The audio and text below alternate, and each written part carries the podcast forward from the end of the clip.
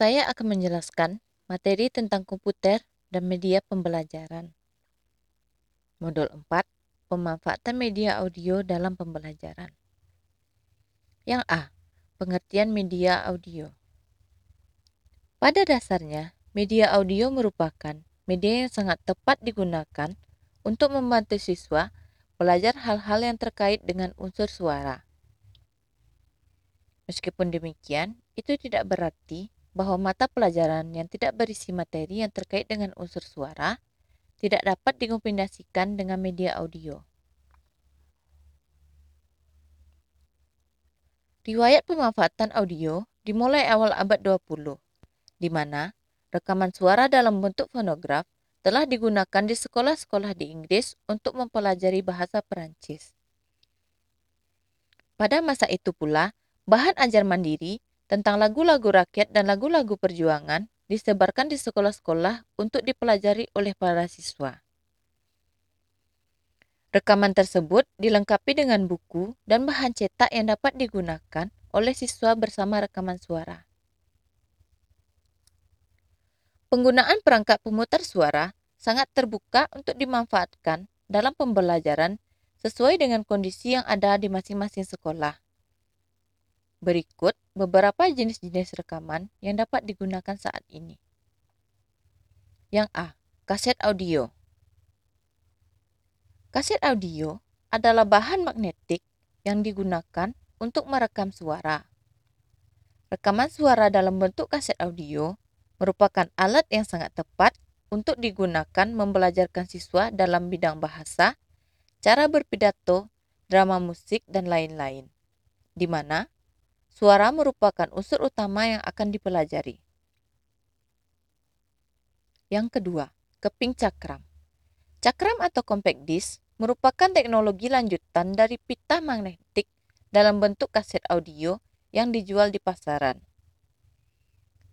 Perangkat pemutar cakram dapat digunakan untuk sekaligus menampilkan suara dan gambar bila dihubungkan dengan televisi atau monitor dan mikrofon. Yang ketiga, pertimbangan untuk mengembangkan media belajar. Untuk mengembangkan media pembelajaran, baik dalam bentuk audio, radio, ataupun media display, pada dasarnya dilandasi oleh beberapa prinsip yang sama, yaitu yang A. Media yang dibutuhkan tersedia atau ada. Yang B. Tujuan yang ingin dicapai. Yang C Apakah penggunaan media akan membebani siswa dan Anda sendiri? Yang D. Apakah Anda siap untuk mengombinasikan penggunaan media dengan aktivitas lain untuk siswa? Yang E. Gunakan orang, bahan mentah, bahan daur ulang yang ada di sekitar. Yang B. Manfaat media audio. Secara umum, kaset audio akan sangat membantu siswa dalam hal-hal berikut yang pertama, mempelajari materi kapan pun yang diinginkan. Yang kedua, dapat diputar berulang-ulang.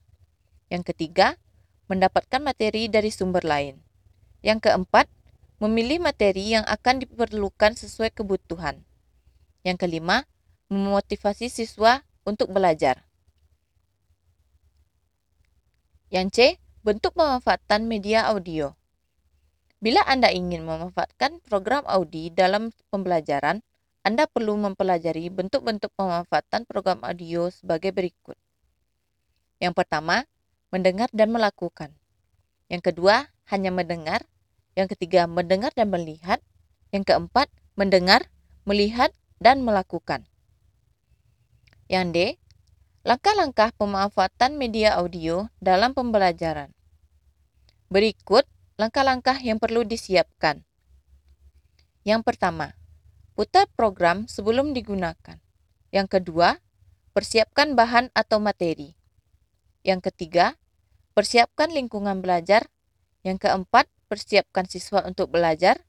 Yang kelima, persiapkan pengalaman belajar.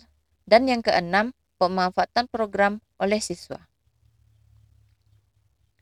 Melalui langkah dari perencanaan, Penggunaan di kelas hingga evaluasi pemanfaatan program audio, Anda diharapkan dapat memberikan pengalaman belajar yang berbeda kepada siswa. Sekian dari saya, semoga informasi yang saya bacakan berguna untuk Anda. Terima kasih.